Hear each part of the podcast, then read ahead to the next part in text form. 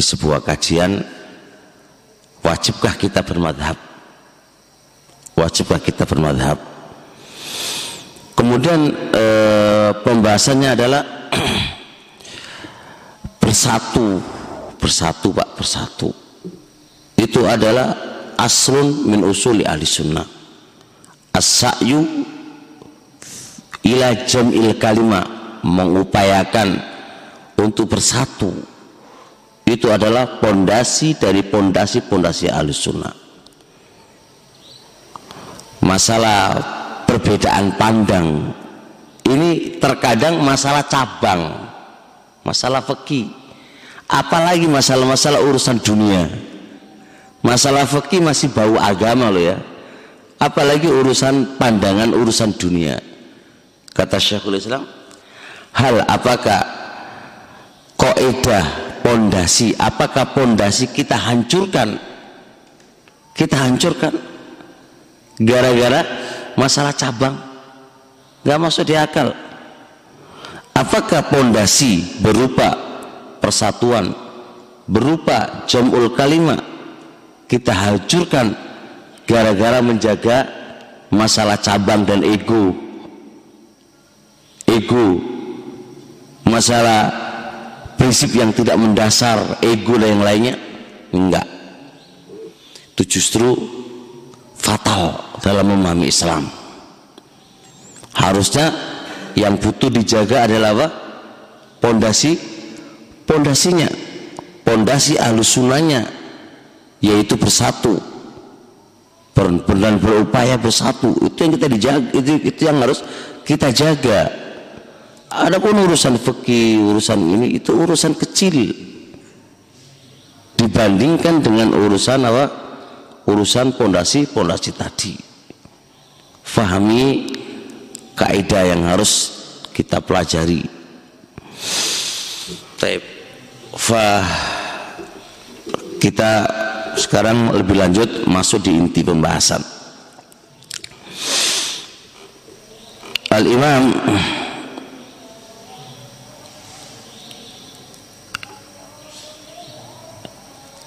uh, Syekhul Islam Ibn Taimiyah dan juga pengarang kitab Al-Itisam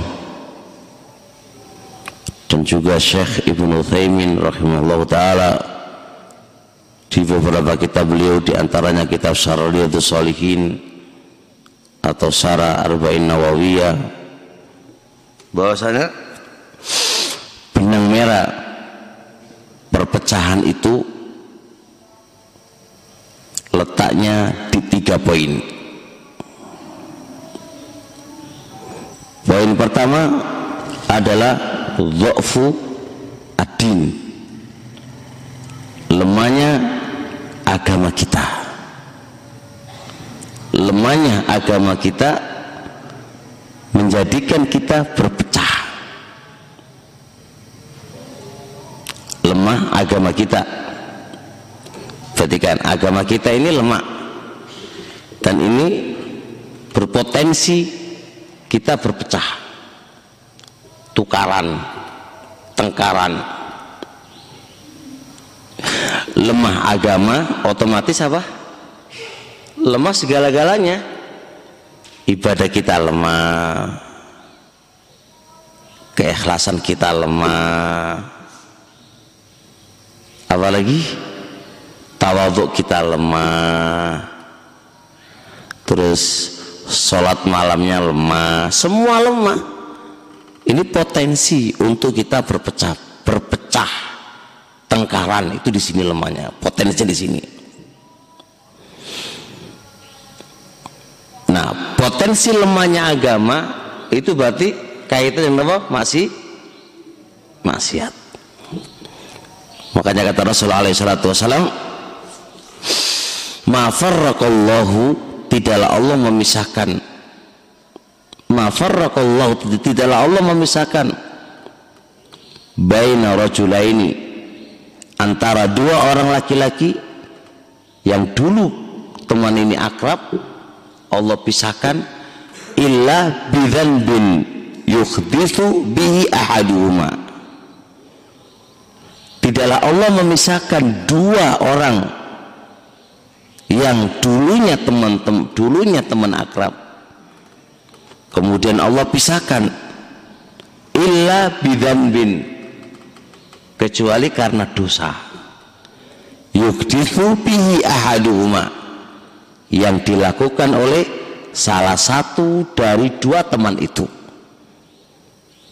Nah karena dosa berarti apa yang terjadi eh? kurangnya? Bukan ini belakangan. Kurangnya ibadah. Kurangnya ibadah ibadah. Karena kalau kita berbuat dosa maka berarti otomatis ibadah kita ibadah kita pasti akan kurang. Tidaklah kita lakukan sebuah dosa kecuali pasti akan mati ibadah. Contoh dosa kata Ibnu Qayyim rahimahullah dalam kitab Ad-Dawa Dawa inna dzunuba sunya di dosa itu tuskilu taat memberatkan untuk taat. Jadi dosa ini untuk taat sama Allah untuk ibadah itu berat banget. Makanya tidaklah ibadah yang kita lakukan lalu kita merasa berat itu karena dosa saya kasih logika ya. Antum tahu sepeda motor? Tahu kan? Iya tahu kan ya? Sepeda motor ngerti dia onde soto sepeda motor. Sepeda motor itu anda nggak akan bisa pakai dengan kencang. Buwantar balapan ora iso. Karena apa? Kalkulatornya kotor. Itu logika jadi karena kalkulatormu kotor game laku tek madek mana? Melaku madek mana? Kalau kata Rasulullah alaihi salatu wasallam idza adnabal mu'minu dhanban nukitat lahu nuktatun sauda. Fi qalbi apabila seorang mukmin itu berbuat dosa maka maka maka maka akan ada binti binti hitam di hatinya. Itulah kotoran yang membuat berat kerja hati ya untuk taat kepada Allah Subhanahu wa taala. Berat. Woy. paling tidak paling tidak paling tidak. Itu apa? Itu ibadah itu kosong dari makna-maknanya. Dia nggak merasa kelezatan. Makanya ngaji nggak merasa lezat nggak merasa asik. Sholat nggak merasa asik. Kalau sudah nggak asik maka menjadi futur. Setelah itu sudah malas nggak nggak ngaji nggak ini nggak ini. Karena sepo ngerti sepo panganan kalau sepo nggak manis itu kan apa? Sepo toh? Iya toh orang Jawa? Amjar ngono ya ambo bahasane sampean amjar ya. Nah, kalau sepoh ya. sepoh panganan sepoh itu seorang ono manisi. Ketika anda roti yang enggak manis enggak asin apa tawar jadi ya pasti anda buang. Sepoh wis rasa di blas. Berarti akan terbuang lah. Itu masalahnya di sini. Jadi dan ini semua kita kena. Siapa ibadah kita kuat? Agama kita kuat dari sisi apa? Semua dalam semua sisi kita itu kurang nah kalau kita itu menyadari kurang ayo diperbaiki. Ojo kok main main diwi saya naik diwi langsung tet pecah pecah pecah pecah. Ya akhi anda anta. Anda ana. Iku podo kurangi. Akuilah diri kita itu podo kurangi. Anda juga punya dosa kita juga punya punya dosa. Podo duit dosa nih nggak anda nggak usah nuding orang kayak kayak kan anda itu suci dari dosa podo duit dosa nah kalau sama-sama punya dosa, apa yang terjadi? Ayo ngapii, perbaiki masing-masing dan masih ber, berteman dan berupaya bersatu. Itu terbaik. Itu terbaik. Apalagi masalah keikhlasan. Syekh Ibn Uthaymin rahimahullah ta'ala berkata siapa yang ikhlas ja'alallahu fi lisanihi barakatan. Allah akan menjadikan lisannya itu penuh berkah. Kalau dia itu ikhlas dewek kan kurang ikhlas. Kalau sudah kurang ikhlas apa yang terjadi? Ya udah nggak berkah kalau nggak berkah ya tukaran aja orang ikhlas nah karena kita ini nggak ikhlas kurang ikhlas. Maka yang terjadi adalah tidak ada keberkahan. Nah berarti benang merahnya sudah ketemu. Terjadinya perpecahan tengkaran sampai terjadi sana sini kritikan tahdiran semuanya masing-masing kita adalah apa? kurang agama bukan ilmu agama agama. Kurang agamanya. Kurang ibadahnya. Kurang sholat malamnya. Kurang puasanya. Kurang berbuat baik kepada orang tua. Kurang semuanya dan ini memberikan acuan untuk kita harus bertengkar. Karena kurang agama. Kurang agam agama. Nah kalau sudah tahu kurang agama ya ayo masing-masing ibadahnya di dikencengi. Paling tidak meminimalkan lah meminimal meminimalkan. Makanya satu masjid tengkaran. Satu yayasan tengkaran. Satu pondok tengkaran. Satu keluarga tengkaran. Maka yang menjadi potensi berat dan potensi, potensi terbesar di sini kurangnya kita. Agama kita kurang ibadah kita kurang semuanya kurang. Bisa dipahami ini? Asyatibi menyebutkan ini ikhwan ini benang merahnya setelah beliau telah dari semua sisi. Beliau mustakri ahlu membaca. Syekhul Islam ahlu membaca. Jadi setelah di istiqro di ditatabuk di, diselidiki di dikaji dan itu kesimpulannya benang merah semua perpecahan adanya ini. Adanya ini bisa dipahami? Taib. benang merah yang kedua adalah dhaful ilmi lemah ilmunya lemah ilmu dalam semua sisi lemah ilmu Al-Imam Syaukani rahimahullah menyebutkan manusia itu dibagi menjadi tiga tingkatan. Manusia itu dibagi menjadi berapa? tiga tingkatan.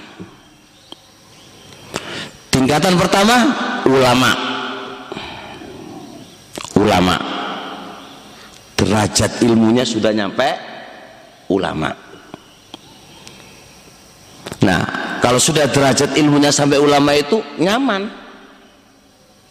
Perbedaan antara mereka itu nggak pecah, nggak pecah. Lihat ulama-ulama kita dan ulama-ulama terdahulu, perbedaan biasa. Lihat masalah kunut di waktu subuh, perbedaan mereka biasa. Nggak kayak kita, perbedaan kunut jadi bumerang oh salafi kok kunut? Salafi kok ini kan karena dangkalnya ilmu kita. Dulu mana ada Imam Syafi'i mentahdir Imam Ahmad? Lo kunut tak tahir lo nggak nggak ada. Nggak ada. Jadi kita lihat zaman sekarang. Masalah foto aja masalah foto itu dakwah aja para ulama lo ber, berbeda pendapat nggak ada tengkaran. Mereka biasa berbeda argumentasi. Yang paling kuat adalah haram. Biasa. Yang satu bilang argumentasi adalah boleh.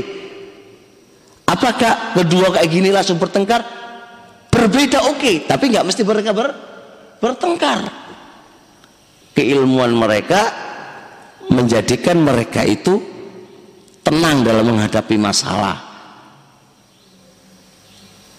ini perbedaan ilmu. Kita aja kadang-kadang nggak -kadang perbedaan ilmu. Orang tengkaran itu ya Rafi.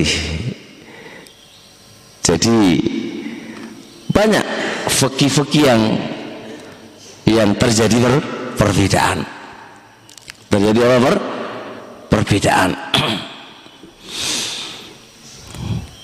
Misal contoh azan dua azan dua ketika hari Jumat. Orang Saudi Syekh Ibn justru menyunakan ada azan dua kali pada hari Jumat. Jumatan itu loh. Jumatan kita hanya berapa kali? Satu kali. Yang satu satu kali. Ini perbedaan. Dari ulama dulu sampai sekarang mereka berbeda pendapat. Nggak ada mereka saling bertengkar. Nggak ada. Kita aja menurut ilmu gua ya gitu ya. Ini kita nanti tingkatan kedua nanti ini. Intinya ahlul ilmi yang ilmunya derajatnya tinggi itu gak ada masalah mereka berbeda pendapat. Gak ada masalah. Kalau kita mau bikin contoh banyak banget contohnya itu. Nah diskusi melemahkan pendapatnya orang biasa namanya melemahkan. Tapi apakah tengkaran saya kasih contoh. Abu Hanifah rahimahullah ta'ala membolehkan nikah tanpa wali. Sah Abu Hanifah. Jelas-jelas menyelisih dalil terus apakah imam tiga itu Abu Hanifah? Nggak usah diambil ilmunya omongannya ngawur. Ini menyelisih dalil gitu-gitu kan? Enggak. Enggak. Tetap pendapatnya salah jelas. Itu yang disikapi oleh ini pendapatnya salah. Tapi apakah langsung mengarah ke orangnya? Semua ilmunya jangan diambil nggak ada kayak gitu nggak ada. Nggak ada. Kalau memang salah salah kalau saya diambil ilmunya yang salah saja gitu kan orang kok dikritiki semuanya itu saya juga kadang-kadang nggak tahu ini orang-orang sekarang ini gaya-gaya tenan ini jelas semua dan dia punya alasan Abu Hanifah punya punya alasan. Apa alasannya Abu Hanifah? Disamakan dengan dia punya harta. Punya barang. Kalau dia punya barang kan boleh dia jual secara sendiri, nggak perlu harus izin dengan wali. Apakah dengan itu langsung dikomentari, berpecah? Tidak. Tidak kita ini masya Allah yayasan masalah yayasan aja harus gelut-gelutan dari dulu sampai sekarang itu aja ya dibahas masalah TN tarbiyatun nisa boleh nggak wanita itu mondok tengkaran itu? Ya tapi kalau nggak ada poin lagi nggak ada apa masalah baru tuh itu aja terus jadi ketengkaran orang. Ya depan kita ini banyak proyek. Umat ini butuh ilmu. Mereka jatuh dalam kesyirikan dalam bid'ah yang lain. Mereka itu butuh ilmu. Oh juga ngurusin ini dakwah di luar itu penuh dengan tantangan. Dakwai mereka. Oh kita gegeran. Yang tidak mendasar asal asal usul gegerannya gitu kan. Asal usul perpecahannya. Umat bihajatin ila ilmi syar'i. Umat itu amat butuh kepada ilmunya. Anda ilmu syar'i anda udah dakwah sana. Ini tobako yang berapa ini pertama. Tobako yang kedua orang awam. Tobako yang kedua apa orang? Orang awam. Orang awam ini enak. Kok enak? Oh bodoh opo jari? Opo jari kia? Kia ini apa jare ustate mau bodoh orang dua ilmu. Belas gadas dan ini enak. Apa mau apa yang mau diperpecahin mbak? Orang ono. Nggih. Nggih nggih ngono ae wong awam. Seng masalah iki tobako yang nomor tiga. Apa itu? Pertengahan. Dia dikatakan orang awam juga enggak. Dikatakan orang berilmu juga enggak. Setengah pak. Ngaji setengah ilmu nih setengah. Ini kata Imam Syaukani wahada aslul fitani wasar ini adalah asal munculnya fitnah dan ini adalah asal munculnya kejelekan. Ini pertengahan ini pak. Ilmu ini orang nyandak diangkat ke derajat wong ulama ya orang nyanda eh? terus digolongkan wong awam ya ora ora gelem mbak. Apa aku digolong wong awam wong awam? Aku lu ngaji. Aku lu penuntut ilmu. Nggak mau dikatakan orang-orang awam. Ini kata Imam Syaukani rahimahullah. Ketika seorang alim ini alim pak alim alim ini. Bukan orang kerucu alim. Punya pendapat yang tidak sama dengan pendapat orang tingkatan pertengahan tadi langsung disikat langsung disikat. Langsung disikat. Nih ada alim mengatakan sunnah azan dua kali. Ya kan? Nyampe lah ilmu ini di tengah menuntut ilmu yang ilmunya pertengahan ini pak. Langsung disikat hadza qaulul muhdath ini pendapat bid'ah. Ini gini gini. Wes ah, siapa itu? Syekh Ibnu Utsaimin. Nggak hujah. Oh wes Pak. Ente ente ente ente langsung diceluk langsung di apa di apa panggil namanya bahkan masalah gambar masalah gambar pun ini video-video ya yang itu Syekh Ibnu Utsaimin membolehkannya apa kata dia? Apa Syekh Ibnu Jangan-jangan nggak pakai Syekh ini. Apa-apa Ibu Nufaimin nanya. Sudah ya Rabbi. Yes. Adabnya sudah nggak ada sama sekali kepada ulama-ulamanya. Apa itu Ibnu Taimin? Nggak kuja, nggak dalil itu. Lo Syekh Ibnu Taimin apamu? namanya tuh apamu itu ya Robil ilmu seberapa dibandingkan dengan ilmunya Syekh Ibnu jadi ketika Syekh Ibnu punya kayak gitu pas pasti dia punya gambaran ilmu salah atau benar dia punya gambaran ilmunya. Kan gitu toh. Salah benar pasti ada dasar yang mereka pak pakai. Lu lu kadang-kadang nggak ngerti dasarnya apa gitu kan. Langsung disikat jepret jepret ini kadang-kadang wong nom-nom lo ilmu nih yo koyo-koyo ipo pinter tapi seluruh pinter gitu kan. Biasa kayak wong meliti-meliti kayak wong belajar ilmu silat lo pak. Baru pelatih awal-awal. Gaya wis. Pelatih sih an. Apa pelatih sih? Orang pelatih ya. Apa sih sabu apa itu? Tengah-tengah itu ya sabuk kuning lah wis. Gaya ngono. Gaya koyo. Wis kabeh ditendangi kabeh gua yo mana kala ora melete ngono. Pertengahan biasa kayak gini wong sing ngene iki lho sok gaya ilmu mulu sapiro gitu kan? Wong belajar ora tuntas. Maca kitab ora dong. Mesikapi masalah kadang-kadang nggak ngerti ilmu nih Iya nyampe ilmu yang ngono itu nyampe ilmu nih sampai itu nyampe ilmu nih itu belum tentu ilmu itu bener.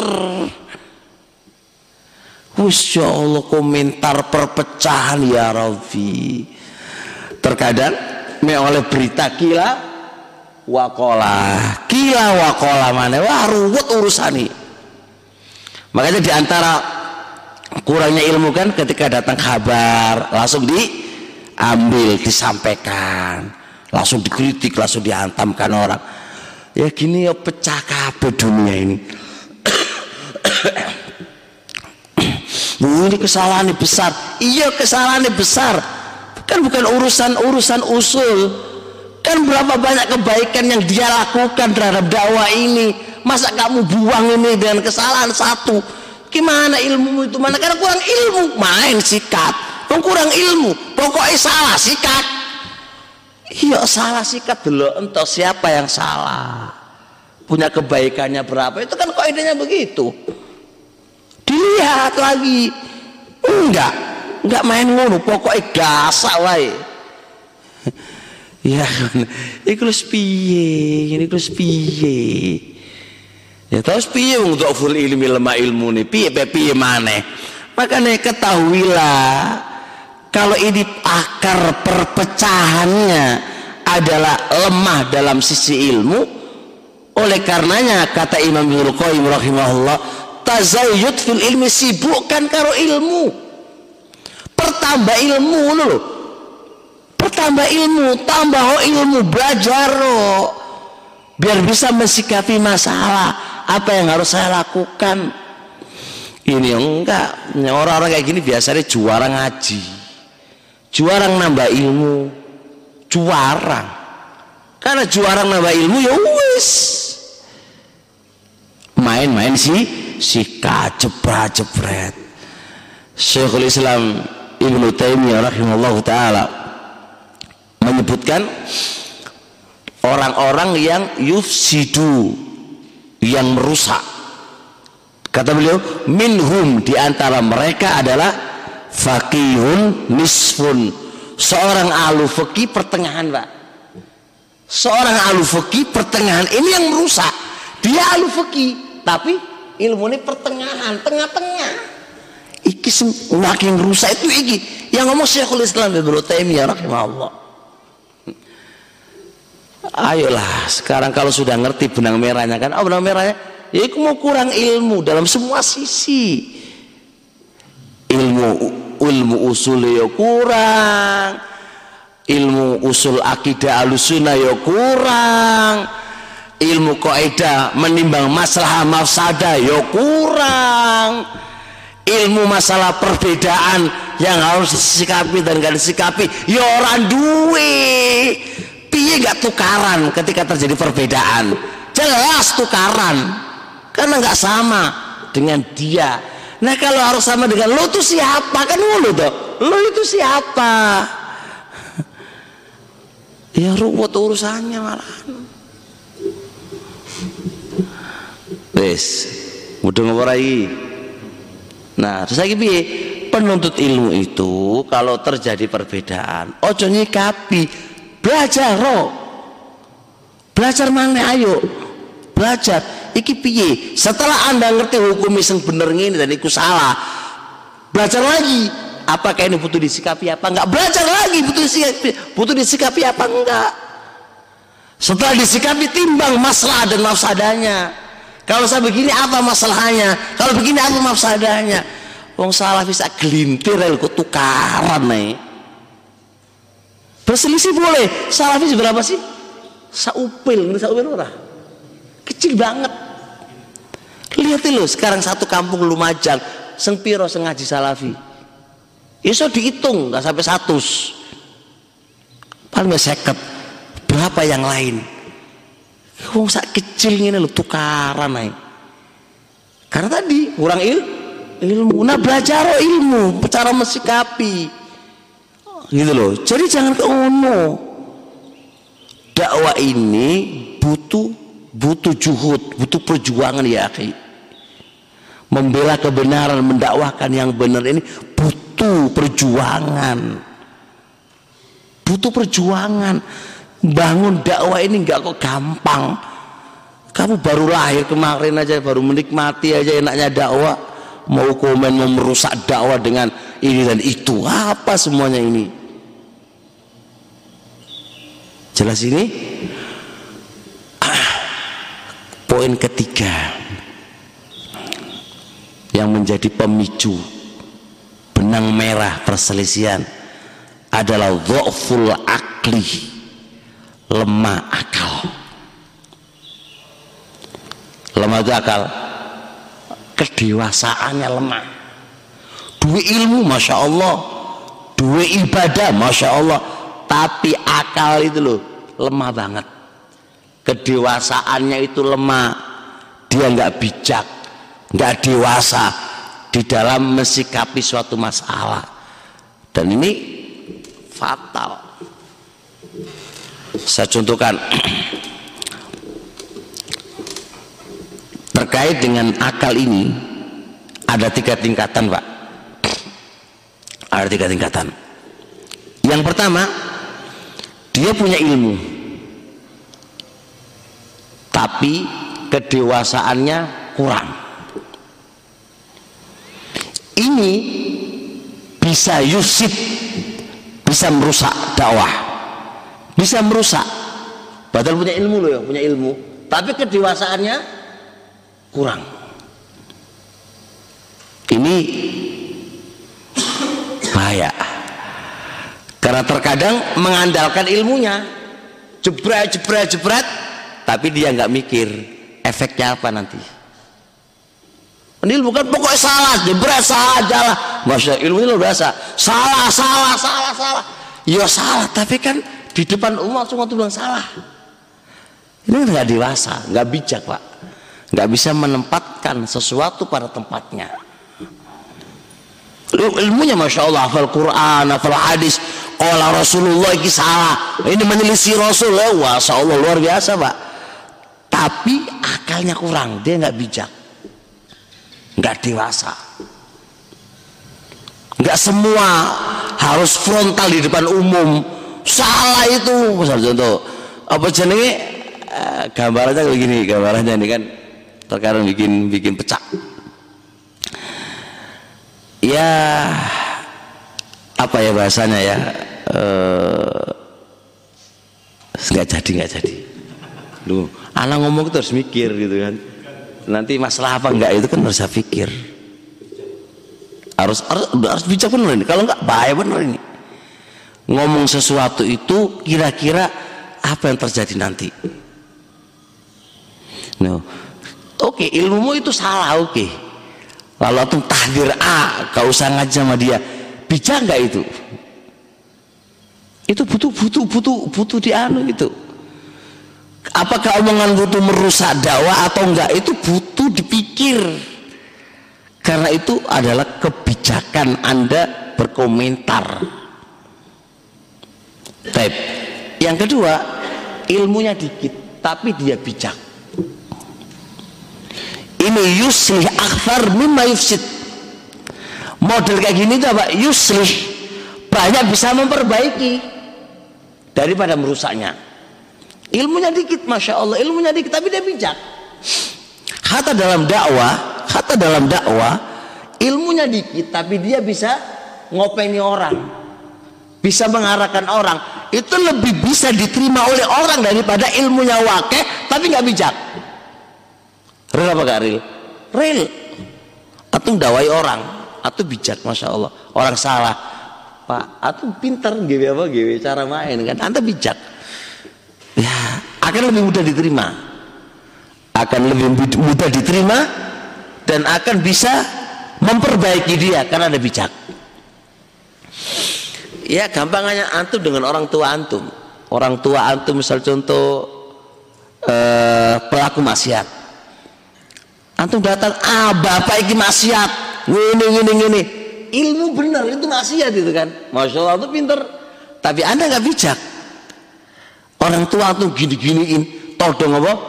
Di depannya dengan tanganmu gini gini gini gini. Yuk mana orang tua kamu tak pukul kamu itu kan anda anda harus bijak. Yang anda ajak bicara itu siapa? Orang tua guru apalagi orang lebih dewasa kepada anda. Ini orang ini punya jasa kepada kamu jasa kepada itu kan ada ada ada ilmunya. Jangan main tek tek tek. Apa itu?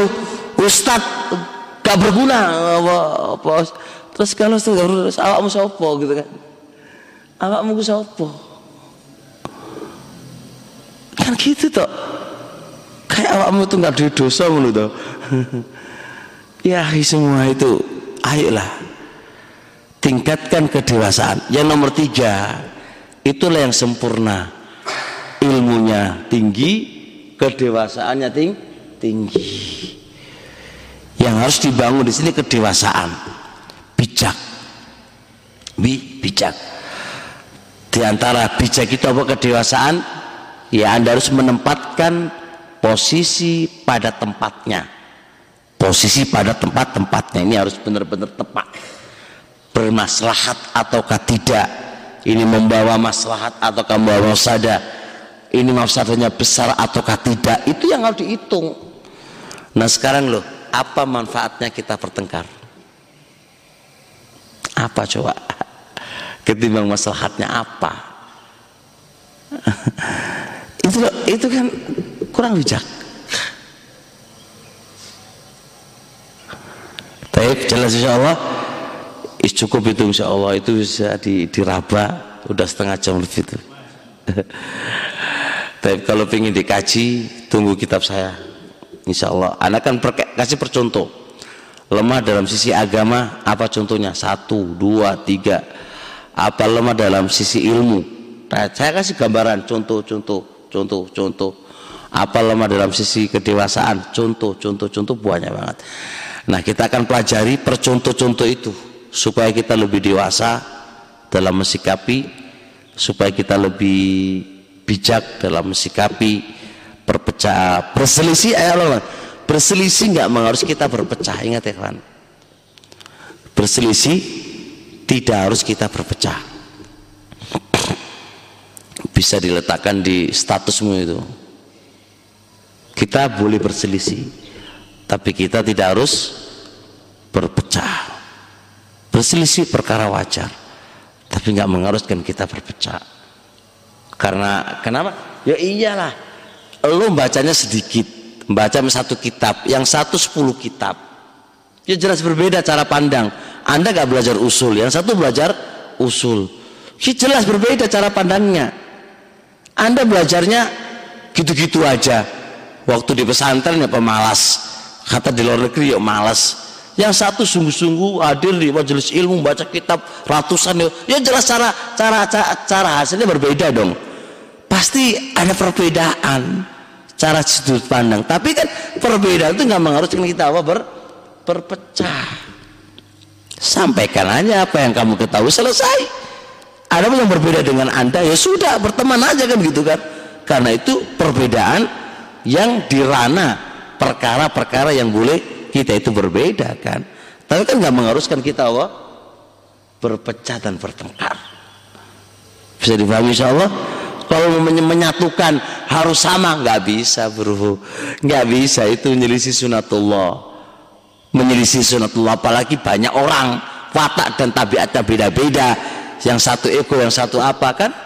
Jelas berbeda. Tapi ingat nggak mesti kita harus bertengkar bertengkar dan berpecah. Bisa difahami? Taib sampai di sini insyaallah. Subhanakallah hamdik syadu assalamualaikum warahmatullahi wabarakatuh. Mungkin judul nanti siang eh nanti pagi apa siang ya? Siang pagi oh masih dikatakan siang ya oh siang ya. Insyaallah uh, kami punya judul Eh, ketidakharmonisan orang tua menyebabkan pergaba ketidakharmonisan orang tua berefek terhadap perkembangan anak. Ketidakharmonisan orang tua berefek kepada perkembangannya anak. Itu judulnya ya Taib sampai di sini insyaallah. Subhanakallah hamdik asyhadu an la ilaha illa anta astaghfiruka wa assalamualaikum warahmatullahi wabarakatuh